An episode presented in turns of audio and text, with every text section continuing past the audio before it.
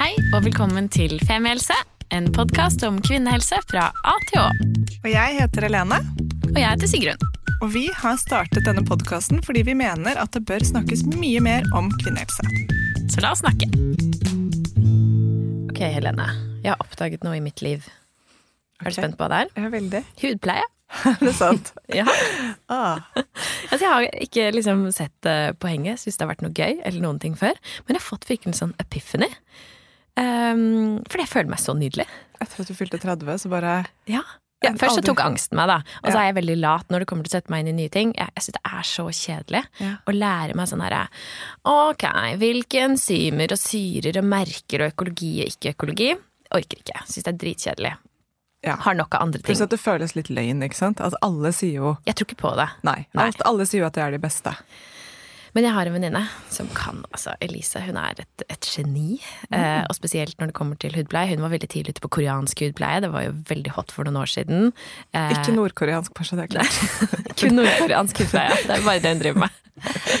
Det svartebørsmarkedet. Geitefett. Uff da. Nei da.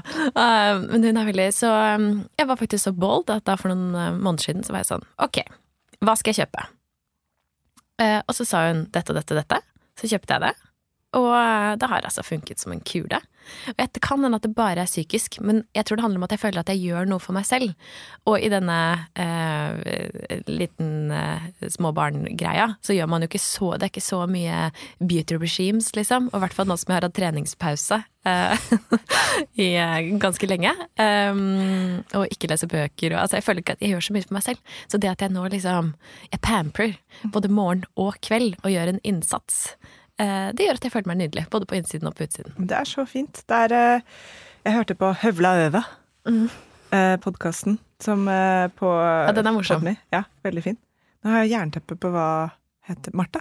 Martha Leivestad. Ja, Martha Leivestad. Nydelig dame. Malin Nesvold var på gjest. Alle dere som er interessert i Vær på gjest. Var på gjest. Ja. Hør på da Malin var på gjest der. Den høvløve på Podme pod, Ja, vi har ikke noen sånn rabattkode eller noe fra Podme, men i hvert fall anbefaler den. Men da snakket vi også om eh, viktigheten av å ha på seg sexy undertøy. ja. I know this is eh, samfunnet som har programmert oss disse tingene, men jeg er enig når jeg tar på meg litt mer liksom, ikke ubehagelig undertøy, men behagelig, men fint undertøy. Samme konseptet. Har jo egentlig ingenting å si. Og da jeg hadde perioral dermatitt, dette eh, utslettet, aknelignende utslettet rundt huden min, Ja. så er en av de tingene som jeg har sagt om i en tidligere episode Fikk du kun gjøre- fransk åpning? ja, da må du kunne ha fransk åpning. Og sånn, eh, sånn eh, BH som egentlig ikke er BH, men sånn stropper rundt, og så sånne der glitter-dongler på nipplene. Kult. Men da gikk, måtte jeg bruke null produkt. Faktisk ingenting. Ikke noen produkter. Ja. Bortsett fra en veldig mild hudkrem. Så ikke rens. Egentlig ikke ta på ansiktet mitt. Å, fy faen, så vanskelig. Ja, Men det som er så spredt, er at huden min ble like fin som ellers. Det tror jeg på. Mm. Så det er noe med Det er det du sier at jeg tror på noen Altså selvfølgelig sikkert noen hudprodukter som har en god effekt, det er ikke det. Men det var ganske sjokkerende for meg i løpet av seks uker å ikke gjøre en dritt, og så bare OK, huden min ser veldig lik ut. Ja, det skjønner jeg. Men nå er jeg tilbake igjen på, på kjøret. Fullt sparkel. Fullt spark, Men det handler nettopp om, som du sier, den følelsen av at man gjør noe for seg sjøl. Ja. Så, sånn er det. Placeboeffekten. Men um, vi gjorde noe veldig viktig for oss selv for en stund siden. Og vi har brukt, jeg tror vi har brukt flere av disse introene på å snakke om det vi skal snakke om i dag. Eh, for vi var på teater, på det andre teatret, og vi ble så begeistret. Ja, det er lenge siden vi har vært så begeistret. faktisk. Nei, jeg Altså, jeg hadde en sånn eh, euforisk følelse om at dette budskapet må nå verden. Og vi, Ja. vi snakket om det bare sånn, ok, hvordan kan vi få dagens gjest, Katrine Frost, inn på Nationaltheatret? Ja. Eh, hva kan vi bidra med her? Ja, hva kan vi gjøre? Kan vi starte liksom, underskriftskampanje? Ja. Og jeg vil si en eh, shout-out til Maja, som sendte meg en melding på faktisk min lille Dola-konto på Instagram og sa denne dette, må, dette er så femihilsete som det går an, du må gå og se denne forestillingen. Fikk med meg Tanja, min gode venninne, og så skulle du med Tuva. Ja. Så tilfeldigvis så var vi på en sånn firekvinners date og så dette, og vi var over oss. Ja. Ja, det er som du sier, er lenge siden jeg har følt på den følelsen. Så velkommen til oss, Katrine Frost. Oh, wow, tusen hjertelig takk. Altså. Det er helt ufattelig hyggelig å høre, selvfølgelig. Er du litt sånn, har du fått så mye skryt nå at du nesten ikke greier å ta det inn lenger, eller er du fortsatt at du skjønner Jeg- at vi sier det fra hjertet? Ja, nei, jeg skjønner det. Ja. og det er veldig hyggelig. Men jeg tror aldri helt kanskje at jeg har kommet dit at jeg klarer sånn å ta det inn på Jeg syns fortsatt det er helt sånn sprøtt, alle de tingene som skjer med den forestillingen. Eh, det gikk jo fra null til 100 på noen uker, bare. Ja, For du skulle ha to forestillinger sånn originalt. Det Ja, var sånn, fem hadde vi fem. satt opp da, og da var det sånn at de tok en sånn supersjanse på vårt teater. Og vi hadde jo ikke regna med at eh, Det eksploderte jo. Det eksploderte. Det eksploderte. Og det var jo min sånn Mitt sånt Min sånn drøm Det var derfor det tok så lang tid for meg å lage denne forestillingen her for jeg tenkte Jeg har jo tenkt på det siden jeg fikk barn. Det er jo nå seks år siden. Um, men jeg tenkte hvis jeg skal lage en sånn forestilling, så har jeg lyst til å lage den sånn at liksom Jeg har lyst til å lage den sånn at uh, unge gutter kommer og ser den, og går ut av den forestillingen og er bare sånn the fuck, liksom? Ja. Det fødegreiene er jo helt sjukt i huet. Det kan ikke være sånn. Dette må vi gjøre noe med. Og så tenkte jeg det er umulig. Det er umulig å lage den forestillingen om eh, det å føde barn, for det syns folk er så kjedelig å høre på. Så jeg må liksom eh, Så jeg var bare livredd for det. Og jeg syntes at det var så urettferdig, og ble redd av det og alt sånn. Og så satte vi i gang å jobbe, da. Så det er helt Det er jo en drøm som har gått i oppfyllelse. At vi har liksom fått på det der. Altså, det er helt magisk, og det er en ja, Vi har snakket om det på Instagram, vi har snakket om det i flere episoder. Det er rett og slett en teaterforestilling på det andre teatret som handler om på en måte din eh, reise fra unnfangelse til etter fødsel, på en eller annen måte. Som Men er heter så- Lykke til, Katrine Frost, for det Ja. har vi ikke sagt ennå. Nei, vi hopper over alle detaljer og rett inn i Hvem er du? Hva er det? Hvor forvirrende skal denne episoden være å høre på? Ekstremt! Sitter du hele tiden med ubesvarte spørsmål? Velkommen til Femmilse. Ok. Nesten vi må klippe inn sånn Denne episoden handler om en teaterforestilling. Som heter Lykke til, Jeg tror bare fordi vi er så engasjerte. Ja. Ja. Ok, Men før vi begynner å snakke om bakgrunnen for forestillingen, Ja. hvem er du? Ja. ja, hvem er jeg, ja? Jeg er Katrine Frost Andersen, og eh, er eh, Ja, for det hadde vært litt sånn Forestillingen hadde vært litt annerledes hvis den het Lykke til, Katrine Frost Andersen. Det hadde funnet sånn rettsgreier, eller rettsdrama. Ja. Nei da, jeg er skuespiller, da, og eh, sykepleier. Jeg blei sykepleier midt i eh, skuespillerkarrieren min. Eh, jeg hadde en liten klekk, knekk rundt liksom 30-tallet der. Hvor jeg ikke så meningen med livet, og tenkte at jeg skulle bli sykepleier istedenfor å være eh, skuespiller. Så det ble jeg. Eh, Og så jobber jeg jo fast på det andre teatret som er et lite teater eh, i Oslo, på Torshov, som driver hovedsakelig med impro, men, eh, på improviserte forestillinger, men som også lager noen skripta forestillinger, da. Og Katrine Frost er jo en av de skripta forestillingene som vi har på huset. Eh, og så vil jeg bare slenge meg på det hudpleietoget, fordi jeg er jo eh, Jeg har jo blitt liksom eh, jeg vet ikke om man kan kalle meg middelaldrende, men jeg vet ikke hva som er middelaldrende. Jeg, Det kommer veldig an på hvor lenge du lever. ja. Er eh, ja, nei, men da er jeg vel kanskje Gjennomsnittsalderen for kvinner er 84, tror jeg, så da er jeg jo middelaldrende, for jeg er 43. Så, eh, så jeg har også oppdaget verdien av eh, hudpleie. Jeg gikk eh, rett, rett etter eh, opp, åpningen av samfunnet igjen nå for et år siden. Så bestilte jeg min første time på en sånn hudklinikk. Og da sa jeg bare kan du få huden min til å skinne, og fortelle meg hvilke produkter jeg skal kjøpe. og så kjøpte jeg de produktene hun fortalte meg. Og, så jeg og jeg elsker jeg elsker det. Jeg, jeg tror heller egentlig ikke helt på det, men det spiller ikke noen rolle. Fordi jeg tar det på meg. Og Så blir du nydelig. Så blir jeg nydelig. Ja. Ja. Og vi har jo hatt uh, besøk av uh, altså faktisk hudleger som, som tror på hudpleier, så vi oh, ja. kan jo ikke si at vi ikke tror på det. Men, det vi, eh, men vi jeg er enig, vi tror ikke, jeg tror ikke helt på det, men så tror jeg liksom litt på det sånn noen ganger òg. Men det er, det er følelsen av å virkelig liksom gå inn i en hudpleieklinikk og få anbefalt ting, og så liksom føles det så bra. Det er deilig. Åh, deilig, altså. Altså neste, neste show Ja, neste show handler kanskje om det. Vi får se. Jeg er jo ikke sånn sett meg For jeg syns ikke sånne ting er så spennende. Så jeg vet ingenting. Jeg bare gjør det ekspertene forteller meg. Ja, dette er det beste sånn. Ja. Men dette her er jo en eh, episode for de som er litt sånn rar, for vi vet jo hele historien din, eh, på en måte, da. Ja. Den historien du har valgt å fortelle eh, i, i teaterforestillingen, men Mm. den vet jo veldig få andre. Ja. Som ikke, eller de som ikke har sett den, vet ikke. De som vet, de vet. Ja. Så kanskje kan du fortelle litt om ikke, bakgrunnen for at du lagde stykket? Ja, det kan jeg fortelle om. Ja. Eh, jeg hadde jo en Altså, jeg hadde, som jeg har skjønt i etterkant, er en sånn relativt normal kanskje sånn vei til graviditet, da. Eller den er i hvert fall ikke så uvanlig, men jeg hadde liksom eh, Jeg opplevde en spontanabort, og så eh, opplevde jeg veldig lang, eh, veldig lang vei for å bli gravid igjen i etterkant av det. Eh, og så eh, hadde jeg en fødsel som var veldig dramatisk. Eh, som, eh, endte, som endte i noe som heter navlesnorfremfall. Som er rett og slett bare at eh, navlesnoren faller ut eh, før barnet, på en måte. Den ligger i skjeden, da. Eh, og så ligger barnet, når det er rier, så blir barnet da liggende og, og liksom trykke på sin egen eh, surstofftilførsel. Og får ikke surstoff, da. Får ikke luft. Sånn at det da det blir veldig akutt, og det barnet må ut med en gang. Eh, med sånn katastrofesnitt, da. Og så, så det var på en måte veien sånn, bare sånn veldig raskt fortalt. Eh, som jeg hadde i bagasjen da jeg kom hjem med det barnet. Men det som skjedde for meg etter at jeg kom hjem fra sykehuset, det nok liksom Det, det henger nok sammen med hvem jeg var før jeg ble gravid. For jeg, har, var, jeg tror ikke jeg liksom egentlig skjønte helt at jeg var dame, før etter at jeg hadde fått barn. Og så tenkte jeg at eh, det holdt ikke mål, tenkte jeg da. Hva tenker du på da? Det må du utbrodere litt. Ja, fordi jeg syns det var helt sjokkerende at det jeg hadde gjort, det jeg hadde vært i, alle de tingene jeg hadde vært igjennom, da.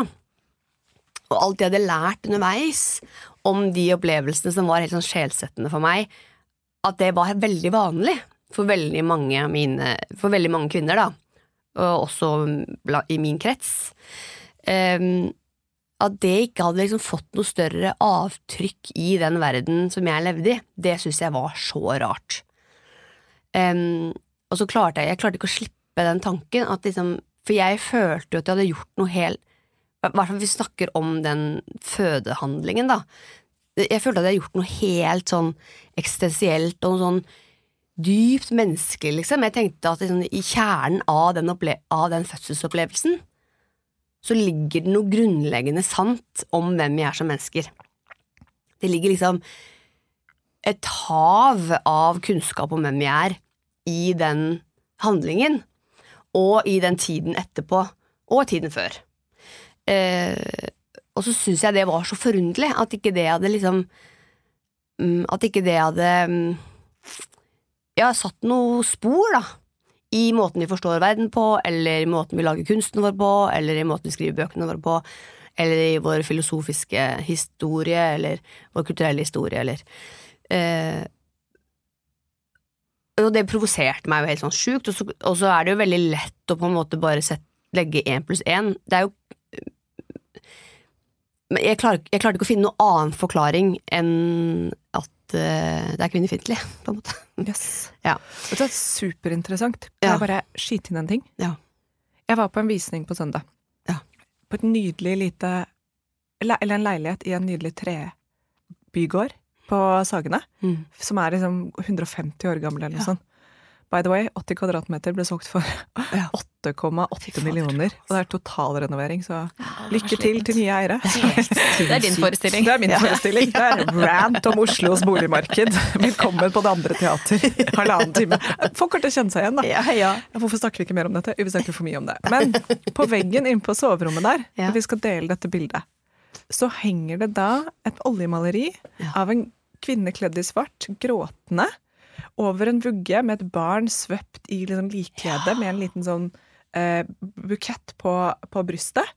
Og bak så er det et oljemaleri av jomfru Maria som ammer. Nei! Jo. Og dette henger på soverommet. Altså, denne leiligheten er strippet, det er et dødsbo, det står det i salgs. Altså, denne leiligheten er strippet for alt. Det er på en måte en sofa og en lenestol, men inne på soverommet så har de megler, eller hvem det er, privatmegleren, avdeling Sagene, valgt å la dette bildet av Radikal megler? Veldig. Veldig. Latt dette bildet henge. Og jeg får da følelsen av at dette bildet henger her fordi den, dette, dette et maleri alltid vært i dette bygget, fordi denne dødfød, dette, ikke, det var ikke dødfødsel, men denne krybbedøden eller hva ja. det er, det har skjedd her. på det, i dette soverommet. Det var til- din tolkning. Det var min tolkning. Joakim sin også, altså kjæresten min, han, vi var enige om at her har det skjedd ting i dette bygget. Men uansett, det er til at dette skjer Mm. hele tiden, Ja. så gjenspeiles det ikke kunsten. Nei. Så når jeg, Femihelse-Helene, og Joakim, som også er Femihelse-Joakim, stakkars, ser dette bildet, så lar vi oss sjokkere. Ja. Og vi får, føler ubehag, og vi lurer på hvorfor har de valgt å la det henge. Er det en syk joke? Skjønner, har, har megler glemt å se på bildet? Dette er jo triggende. Og så bare Hvorfor det? Dette skjer hele ja. tiden. Det er veldig rart. Ja, disse er- traumatiske fødslene. Og, og selvfølgelig, bare understreke at de aller fleste har normale graviditeter og normale fødsler ja. og friske barn. Og, Ja. Som barn som lever til de er 84, liksom. Så dette er Men det skjer. Mm. Og allikevel gjenspeiles veldig sjelden. Det er jo en direkte parallell til eh, forestillingen til Katrine. Ja. her. Det er det, og det er, det er eh, Jeg syns det, det, liksom, det ble et sånn kjempeparadoks for meg. Jeg klarte ikke å forstå det, fordi um, Fordi at den handlingen er så Eller det å skape liv er jo så eksistensielt, eller det er jo så stort. Og det er så mye rundt det vi ikke vet, og det er så mange store spørsmål som man kan finne inni der, tenker jeg. Så jeg synes det er så forunderlig at alle de kloke menneskene som har levd gjennom historiens løp, ikke har tenkt på de tingene. Det går liksom ikke an å forstå, da, eller tro på, på en måte. Bare det, for eksempel, at at uh, at deler av befolkningen på gitte tidspunkt i livene sine kan være to mennesker samtidig. Det har liksom ikke fått noe Det har ikke, det har ikke eh, liksom, Det er ingen spørsmål knytta til det. Hva er man hvis man er to? For da er man jo ikke lenger et individ. Da, da, man har, vi har ikke noe ord for det engang. Hva er den dobbeltkroppen, på en måte? Og hva betyr det at et menneske kan være to mennesker? Som, de, som både er helt infiltrert med hverandre, som deler blodomløp, og som, og som, som lager seg et hus inni en annen kropp, men allikevel er helt separert. Man deler jo ikke bevissthet, man er jo to helt forskjellige individer, men, men som, som bor i en og samme kropp, da. Og som fortsetter å dele DNA og dele gener Ja. ikke sant, i etterkant. Og um, jeg syns det er superinteressant dette med matrescence, altså overgangen til å bli mor. Ja. Og forskningen som egentlig nå begynner å komme litt på dette, hva som skjer med en kvinne det første året etter at hun har blitt mor. Mm. Og den transaksjonen er helt forskjellig fra person til person, men den har noen fellestrekk som vi Mm. ikke på en måte um, tenker på, tar med oss, eller som, som på en måte bare skjer naturlig for dere som har blitt mødre, men som ikke snakkes om, Mm. og som er på sånn du er i mammaperm. Ja, men hva er det du egentlig gjør? Mm. Hva er det du egentlig bruker de første året på? Hva er det som egentlig skjer med deg fysisk og psykisk? Mm. Og det er nettopp det. Det er ikke filosofert over, det er ikke laget kunst på, det er ikke presentert. Ja, ikke fått lov, den handlingen har liksom ikke fått lov til å, til å fortelle oss noe om hvem vi er som mennesker. Nei. Og det syns Det er Det syns jeg er problematisk. Fordi eh, Fordi jeg tenker at det at det ikke har fått noe plass i forhold til å fortelle oss hvem vi er som mennesker, at ikke det er blitt viktig definerende den, på den måten, så har, den hell, har det heller ikke eh, fòret oss med kraft til å ville vite så mye om det. Så vi er kunnskapsløse, har vært i hvert fall veldig lenge, kunnskapsløse om hele de, den prosessen. Det har ført til masse skam, det er lett å kontrollere. Traume. Traume, og det er eh, Man tar makt bort fra deg, ikke sant. Så det er lett for andre å kontrollere eh, de prosessene og hva det betyr, og sette det inn i et Ja.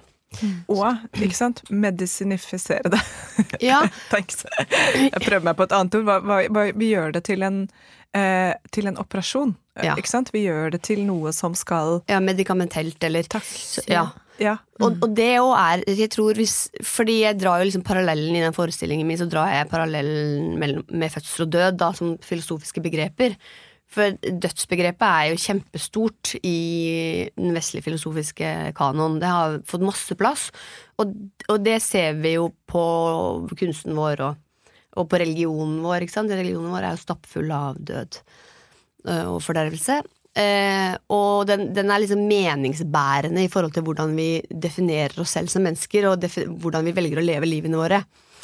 Eh, og innenfor politikken vår og sånn, ikke sant. Sånn at eh, men, men, så har vi jo eh, Vi har jo to konstante ting. Vi har en fødsel, og vi har en død eller en start og en begynnelse, da. Og alle har jo blitt født. Det er noe, det er jo ikke noe som gjelder bare damene. Det er damene som kan føde, men alle mennesker har blitt født. Så alle mennesker har gått gjennom en fødsel, da.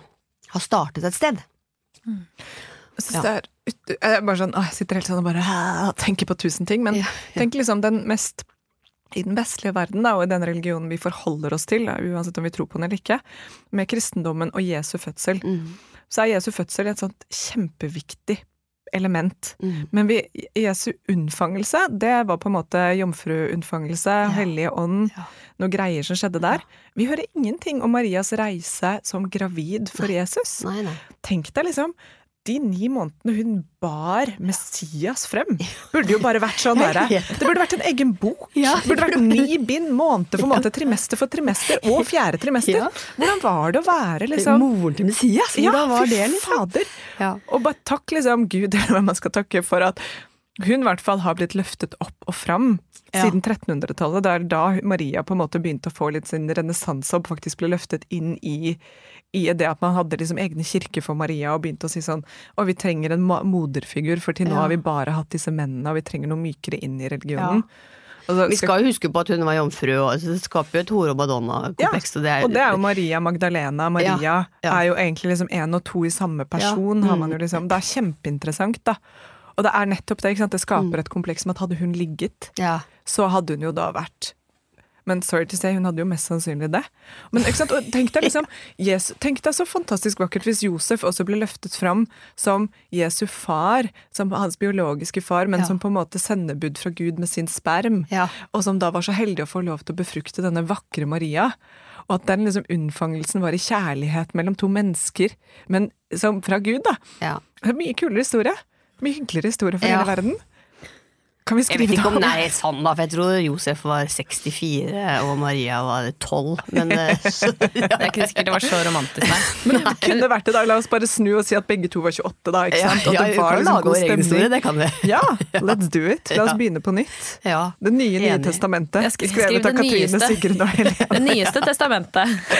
Ja, men det er, ja, det er superinteressant. Virkelig, liksom. Men jeg må jo si, um, når vi snakker om dette her, så er det jo på mange måter tragisk at uh, forestillingen også har eksplodert på måten det har gjort. Ja, det, liksom gikk, det gikk, opp for meg etter jul. For, for jeg, liksom, jeg, hadde jo premiere i oktober, og fram til oktober så surfa jeg bare på en sånn eh, lykkerus av at liksom at den forestillingen gjorde det jeg hadde lyst til å gjøre. Men etter jul eh, så sank det liksom litt sånn inn at, at den får at den får for jeg er veldig stolt av den forestillingen, så jeg kan ikke snak, si noe stygt om den. Men eh, jeg sier ingenting i den forestillingen som er på en måte noe eh, Jeg presenterer ikke noen ny kunnskap, eller jeg sier Som du sa innledningsvis, så er jo dine opplevelser også ganske vanlige. De er helt vanlige opplevelser. Eh, de er voldsomme, men, og det er veldig mange som ikke opplever det. Men det er veldig mange som opplever det òg. Det er ikke halvparten som opplever det, men ikke så langt unna heller. på. Så at um, Det er helt vanlige ting, og det er sikkert derfor det blir sterkt for veldig mange òg. Fordi som sagt så har vi ikke noe, vi har ikke noe ordentlig språk for det, eller vi har ikke snakket Det avtrykket fins ikke, sånn at plutselig så får man det litt sånn i feisen. Men det er jo litt deprimerende at uh, i 2023 så er den forestillingen helt sånn slå folk i bakken, på en måte.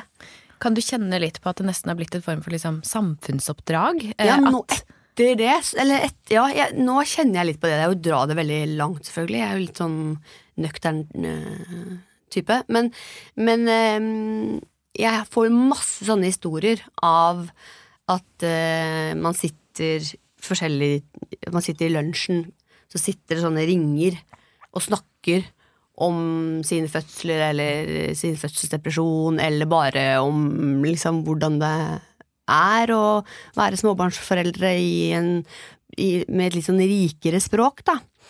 Eh, rundt omkring i Oslo by eh, i etterkant av den forestillingen. Og det syns jeg jo er helt eh, fantastisk, og jeg har fått masse tilbakemeldinger fra eh, gutter. Har du det? Unge gutter, ja. Masse, masse, masse. Som sier at det var helt fantastisk.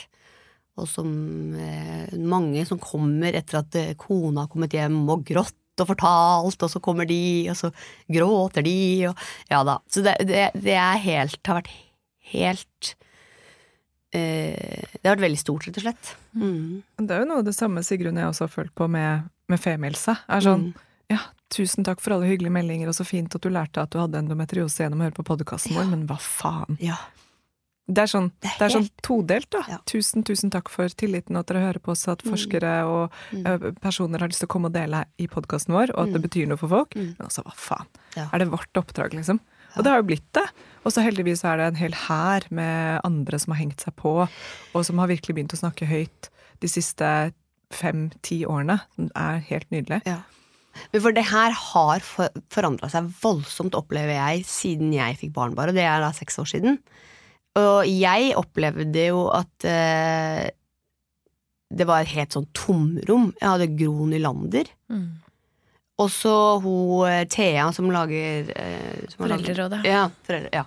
Så de to hørte Eller den hun Thea Den podkasten hørte jeg masse på, og det var til stor hjelp. Men, men det Jeg opplevde at det, hun det, det var liksom ikke noe. Og så har det liksom Heldigvis, da, nå føler jeg i hvert fall de siste åra eksplodert eh, litt. Det har vært en skikkelig kvinnehelserevolusjon. Altså, da Ja. vi startet Femihelse høsten 2018, så var det jo Ja. ikke noe snakk om endometriose. Nei, ikke Eh, som nå heldigvis veldig mange kan Ja. noe om. Og nå er endometriose bare ett eksempel, men jeg Mm. tror man takket være eh, kanskje først og fremst veldig mange privatpersoner Ja. som har gått ut på sosiale medier og i Mm. media og delt sine historier, så har Mm. man åpnet opp da, et Ja. rom som, som du sier det nok har vært et, eh, et veldig stille vakuum rundt. Ja, det er helt fantastisk. Det opplevdes jo som med hele det derre Det må man liksom bare takke Vanessa Rydjur og Pia Tjelta for hele den der klinikken. For det var ikke som det bare revnet, Mm. liksom. Og så bare Jeg ser på Last of Us nå, når noen som ser den serien. Ja, ja, herregud. Det er sånn føles det litt, at det bare Ja. kommer, Ja. kommer ut, liksom, Ja. på en måte. Ja. Det bare eksploderte. Tvinge frem en endring. Ja. Og mm, ja, at vi er som en sånn eh, parasittisk sopp som nå går inn i hele samfunnet og tvinger dem til å forholde seg til abort. Ja. Men jeg syns det er det som er fantastisk med forestillingen din, er at den setter det i et perspektiv jeg aldri har turt å la tankene mine gå engang. Mm. At det er så, i hvert fall vestlig kultur, så lite historisk arv som, som tilgjengeliggjør samtalen rundt dette uten en form for sånn usikkerhet eller skam. ja. Som er sånn, det er vanskelig å sette ord på det for meg, men det, du setter jo ord på det i forestillingen, Mm. eller viser det, ikke sant? Mm. Men at det, det er sånn, det gir veldig mening at når det ikke fins noe sted, Mm. hvordan begynner du å snakke om det? Og dette gjelder jo for veldig mange grupper som ikke er hvite menn. Mm. Og ikke noe hat mot hvite menn, men Mm. det er de som har på en måte styrt debatten. Mm. Og da blir det jo til at for veldig mange så må man nå begynne å finne opp sitt eget språk, sin egen kultur, sin egen historie, da. Det er jo bare som en sånn tu, tu, tusenvis av år med gaslighting. At du, liksom, Ja. du, du, du skjønner ikke hvordan du skal begynne å tenke tanken engang. For at det, det er ikke et språk. Så du må liksom først tenke ord, tenke Finne opp språket inn i hodet ditt. Og så må man prøve å formidle det ut, da. For det, det, det fins ikke. Og så er det jo ingen, i hvert fall ikke jeg, føler meg jo ikke eh, klokere enn noen andre. Sånn at, og jeg er bare en skuespiller og en eh, sykepleier. Så, du er så jævlig smart. ja, ja, det er du. Altså virkelig. Fy fader. Det må jeg si. Men det er noe med å stole på sin egen, sånn, intus, eller sånn, sin egen opplevelse av sånn Fy fader, her er det et eller annet som er ruskende gærent. Og hva, hva Begynne å liksom finne ut av eh, hva det er, da. Hva er Ja. Men også denne ballen åpenbart har begynt å rulle, da. Eh, Mm. utover det du kanskje først hadde sett for, seg, Ja. for deg når du spilte første forestilling. Får du noe liksom Blir du også sånn 'jeg må på Nationaltheatret', 'jeg må på turné'? Altså, hva, hva tenker du på en måte om Hvordan Ja. kan vi fortsette denne utviklingen, da? Ja. Det er jo egentlig det som er spørsmålet. Ja, så vi, en turné er liksom nå i gang med å bli laget. Uh, så, og det har jeg jo lyst til. Jeg har lyst til å reise rundt med denne forestillingen. Og så oversetter vi manuset til engelsk. Så at jeg har en drøm om å kunne reise Frysninger. Ja. reise ut i verden og ha denne forestillingen. Og jeg er veldig, veldig spent på hvordan det mm, blir mottatt andre steder enn her i Skandinavia. Jeg føler at vi har kommet Til tross for alt vi har sagt, så føler jeg at i Skandinavia har vi liksom Vi har åpna mange dører. Eh, inni oss sjæl og som kvinner, liksom, på en måte. Eh, at det morskapet kan være mange forskjellige ting, da. Eh, men det er jo veldig sånn kulturelt betinga òg. Eh, så at eh, jeg er veldig spent på det. Hvordan den forestillingen mottas i England, for eksempel, eller i USA, eller Nord-Korea. Ja, no, ja da dør jeg, tror jeg, så jeg tror ikke jeg skal gå dit. Sør-Korea, så kan du kjøpe noen deilige hudpleieprodukter på vei hjem. Ja, ja. Men tror du ikke dør etter dør må åpnes, og at ja, det er Sverige og Danmark, og Ja. så er det Tyskland, og så er det England. Altså, Ja. For Det må tenkes i andre steder enn her at uh, mange kvinner opplever den som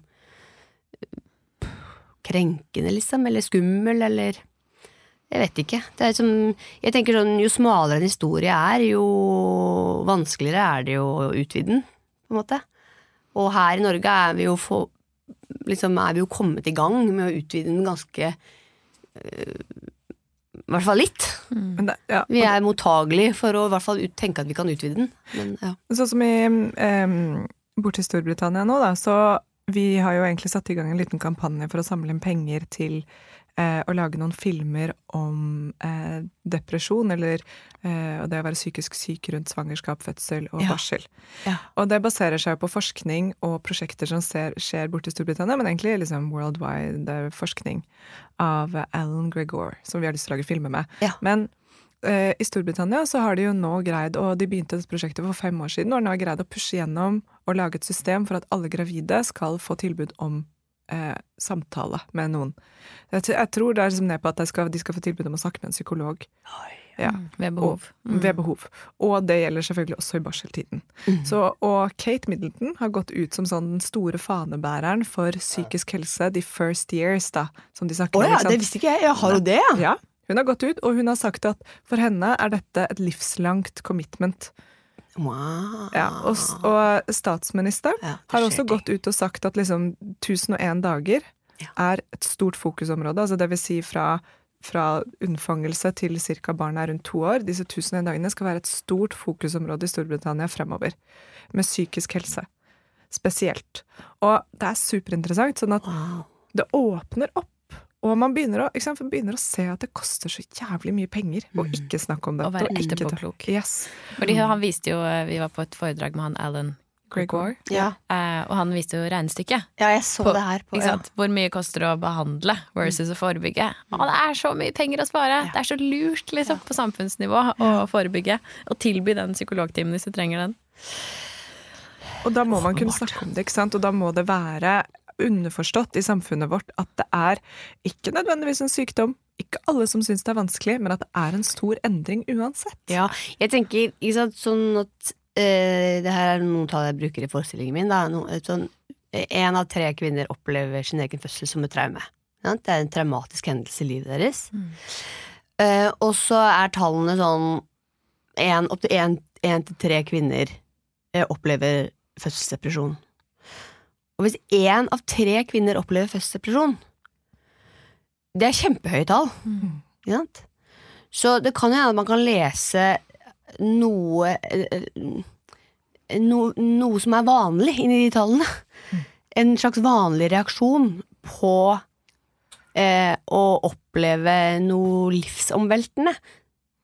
Som også innebærer at du må finne en slags ny identitet i noe som fram til nå i hvert fall har vært ganske tomt, da. I et rom som har vært ganske tomt. Eh, og du må gjøre det aleine. Og det eh, Det er jo vanskelig. Og en normalitet som fortsatt blir møtt med forståelse. Eller sånn som da jeg Ja. selv gikk til både fastlege og jordmor og sa at dette, når jeg var gravid, dette går ikke så bra. Ja. Jeg har det ikke noe bra. Begge to sa ja, det er helt vanlig. Ja, ok, men- Punktum? ja, punktum. Mm, ja, Ja, og ja. det var det. Og sånn, jo da, det er fint at det er normalitet, men eh, Ja, for det jeg betyr trenger, jo ikke at man ikke skal jeg trenger hjelp. Ja. Det er helt normalt å knekke ankelen på isen, men det betyr ikke at du liksom Ikke må skal få spjelke gips. den sjæl. ja, det er akkurat det Ja. som er sånn Ja, det er helt vanlig. Ja. Jesus. Å ja, du har knukket lårhalsen, det er vanlig. Ja ja, du får ta en Paracet. Ja. Nei, men- Og jeg tenkte på det samme, for jeg fikk jo det spørsmålet et par ganger etter at jeg um, hadde fått barn. Jeg prøvde å snakke med, om, liksom, med helsesøster om noen av de tingene her, og, og hun eh, spurte meg om det et par ganger, om jeg var liksom, ja, tenker du kanskje at jeg fikk en sånn pamflett og sånn om Og jeg opplevde ikke eh, tegn på depresjon, egentlig. Um, men jeg, jeg hadde jo veldig mange eksistensielle spørsmål. Så at det, òg for meg blir så At du liksom Det er så kvinnefiendtlig, det òg. At man liksom Jeg har opplevd denne tingen, og så hvis jeg stiller eksistensielle spørsmål rundt den handlingen jeg nettopp har gjort, så er jeg deprimert Da er jeg sjuk, liksom. Hva, er, hva slags forventning er det du har til kvinnekjønnet? Hvis man, skal, hvis man ikke skal kunne liksom få ta seg et kvarter og tenke over hva er det jeg har hva, hva, hva forteller dette her meg, liksom? Om meg selv. Nettopp, det er superinteressant. Ja. Og en av de på en måte symptomene på svangerskapsdepresjon er apati og vanskeligheter for å forholde seg til barnet og til seg selv. Ja. Og da tror jeg, hvis jeg skal gjette, at man kanskje er fanget inne i veldig store eksistensielle spørsmål Mm. inni hodet sitt som Mm. surrer og går døgnet rundt. Og det handler jo om at hvis du ikke får lov til å diskutere med noen sånn Da har jeg vært gjennom en stor ting. Og dette er skummelt og fint og vakkert, og man ikke har de forbildene som har snakket om det. Det fins ingen liksom, historiske personer som har gått ut og liksom virkelig eh, delt fra et filosofisk perspektiv da, Mm. om dette. Det er ikke rart. For det er, det, det er sånn det jeg kan tenke på det, det, Jeg klarer ikke å slippe den tanken helt, eh, fortsatt ikke, da. Hvordan hadde det vært hvis de greske filosofene hadde eh, hatt ideer og begreper rundt denne delen av livet, som hadde fått lov til å reise gjennom verdenshistorien og fått lov til å bli bygd og liksom påvirket oss som mennesker, så, så hadde jo det å blitt foreld, bli forelder det hadde jo bare vært helt annerledes, på en måte. Mm. Og det å bli født som reproduktive vesener hadde vært med deg fra du var barn. Ja. Det er så mye i historien vår Ja. som er spesielt. Hvis du tar en kvinnelig syklus er liksom Hvis man tenker at den er sånn 28 30 dager, da. Så var det jo før så det som heter Maya-kalenderen, utenfor å bli helt liksom Ja. Den er, har 13 sykluser. For å følge naturen. Og det er veldig mye i naturen som er 28-30, liksom sånne eh, på en måte graviditeter og sykluser. Men så kom romerne og romerske, og da bare bestemte man 13 er som ulykkestall. Ja. Eh, funker ikke 13. disippelen Judas, Mm. ikke sant, og så videre. Så vi bare tar 12. Som gjør at vi har sånn her februar som er sånn rar måned, og vi har eh, hva, hva, den eh, skuddår og sånne ting. Så alt mulig for å få jekka det til, da. Men hvis du tar 28 ganger 13, så er det 364 dager. Ja. Så det er noe med liksom Og det er noe med hele, alle disse Um, Nei, altså sånn eh, Jeg mener Maria kunne vært den 13. disippelen, for eksempel. Ja, ja. Det er veldig mye sånne Ja. Judas var jo en av de tolv. Men anyways, det er så mange ting som er bare sånn derre Nei. Kvinner og det myke og syklusen, det er bare vekk Ja. fra Vi presser det inn i denne boksen sånn at det passer for oss. Yes. Mm. For Men så menn. tror jeg, for jeg tror jo at liksom, jeg tror jo menn har tapt masse på dette her. på By all means. At, at eh, de, eh, deres historie er å liksom eh, være ute av hjemmet og eh, Fordi nyere forskning viser jo det at eh, en forelderhjerne er ganske lik den første tida, uavhengig av hva slags kjønn du har. Sånn hormonelt sett så eh, har de begge to eh, ganske sånn like hormonelle eh, nivåer, selv om kvinnen ammer til å kunne knytte seg til barnet og til å kunne liksom være omsorgspersoner, da. Ja, Og den tilknytningsprosessen, den går jo gjennom eh, det sakte kjennskapet til barnet, på en måte, ikke sant. Det er på en måte Det er jo ikke noe som heter morsinstinkt, egentlig. Ikke sånn. det, er, det, er jo, liksom, det er jo den prosessen som skal skje. Det instinktet du har for å liksom beskytte ditt avkom. Men det er jo ikke noe som er knytta bare til meg, for det er kvinne. Det er jo knytta også til Olli, som er kjæresten min. Mm. Så det, eh, det er jo et rom for at også en partner kan få ta ordentlig del, og på ordentlig, inn i liksom den første tida med et nytt liv, da. På en annen måte enn det eh, enn det det er nå. Jeg hadde jo problemer, som sikkert hang sammen med den van- vanvittige fødselen min og sånn, med tilknytning til barnet mitt. Jeg var helt sånn Jeg var kutta av fra halsen og opp, for kroppen min hadde liksom blitt ødelagt. Um, så jeg hadde ikke noe forbindelse der. Men jeg sto jo i timevis og stirra på det barnet og jobba jobba, jobba, jobba, jobba for å få tilknytning. Og kjæresten min hadde heller ikke noe veldig tilknytning. Han tok det mye mer med ro. Og det kom seinere fra han enn for meg. Men fordi jeg jobba så hardt med det. Mm. Så hvis han hadde stått og jobba like mye med den tilknytningen som meg, så hadde jo den opplevelsen vært annerledes for han. Nettopp. Og det som er interessant, dette diskuterer jeg med mange av gutta, guttekompisene mine, Ja. som nå er forventet å på en måte ta pappaperm, stille opp på en annen måte, man snakker om det tredje skiftet. Mm. Det, det begynner å bli satt ord på liksom, at hvis vi først skal være likestilte, så må vi være Mm. likestilte i omsorgen også.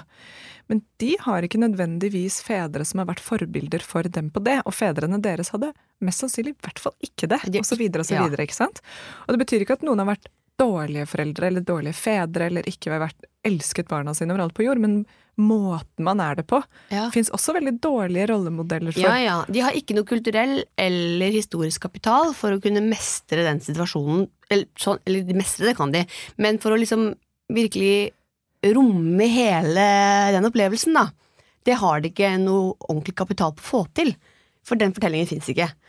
Sånn at, eh, og der fins det masse potensial, tenker jeg, da, for at, eh, at de kan liksom få ta del i den opplevelsen på en annen måte Ja, enn det blir gjort i dag. Fordi for eksempel så er det sånn klassisk sånn det snakker sånn Åh, jeg, min partner våkner ikke på natta og snorker og sover og liksom sånn. Men det er biolog, det er jo ikke biologisk. Det er jo bare liksom Det handler jo om om man er skrudd av eller på. Mm. For det betyr, det betyr jo ikke at ikke menn kan være alenepappaer, eller menn, to menn kan få barn, eller adoptere en unge, eller Og Det er om man er på vakt eller ikke. ja, Så, så, så, og så ta, er det jo bare en eh, tradisjon, da. At, eh, og man har også, begrunna det i biologi. Men det er ikke riktig. Det er feil, da. Man, ikke, man er ikke noe mer biologisk eh, kapabel liksom, Til å være forelder, nei. til å være forelder. nei. Nei, Det der er superspennende. Og det, nettopp vi begynner på en måte å dykke ned i dette nå, og så vet man jo at det skjer veldig veldig mye med en kvinne når hun blir mor, men det skjer også veldig mye med Ja. eh, partner. Ja. Uansett, da. Mm. Og, og hva er det? Og det, hvis vi begynner å se på det nå så Det som er så interessant, er at det må liksom skje to ting parallelt. Da. Ja. Må liksom både gi kvinnen enda mer liksom, plass til det med å akseptere morskap og alle endringene som skjer, men så må man også ta med partner samtidig. Ja. Og liksom, du må også få den plassen og også akseptere dette store skiftet da, i deg. Men Kanskje heller foreldreendringen Ja, Ja. enn å skulle det- fokusere på mor. Fordi kanskje vi heller vil kalle det parentessence istedenfor matrescence. Ja, men det er noe med det, da. Ja. Og Fordi jeg tror hvis vi er liksom Jeg har jo lyst til å um,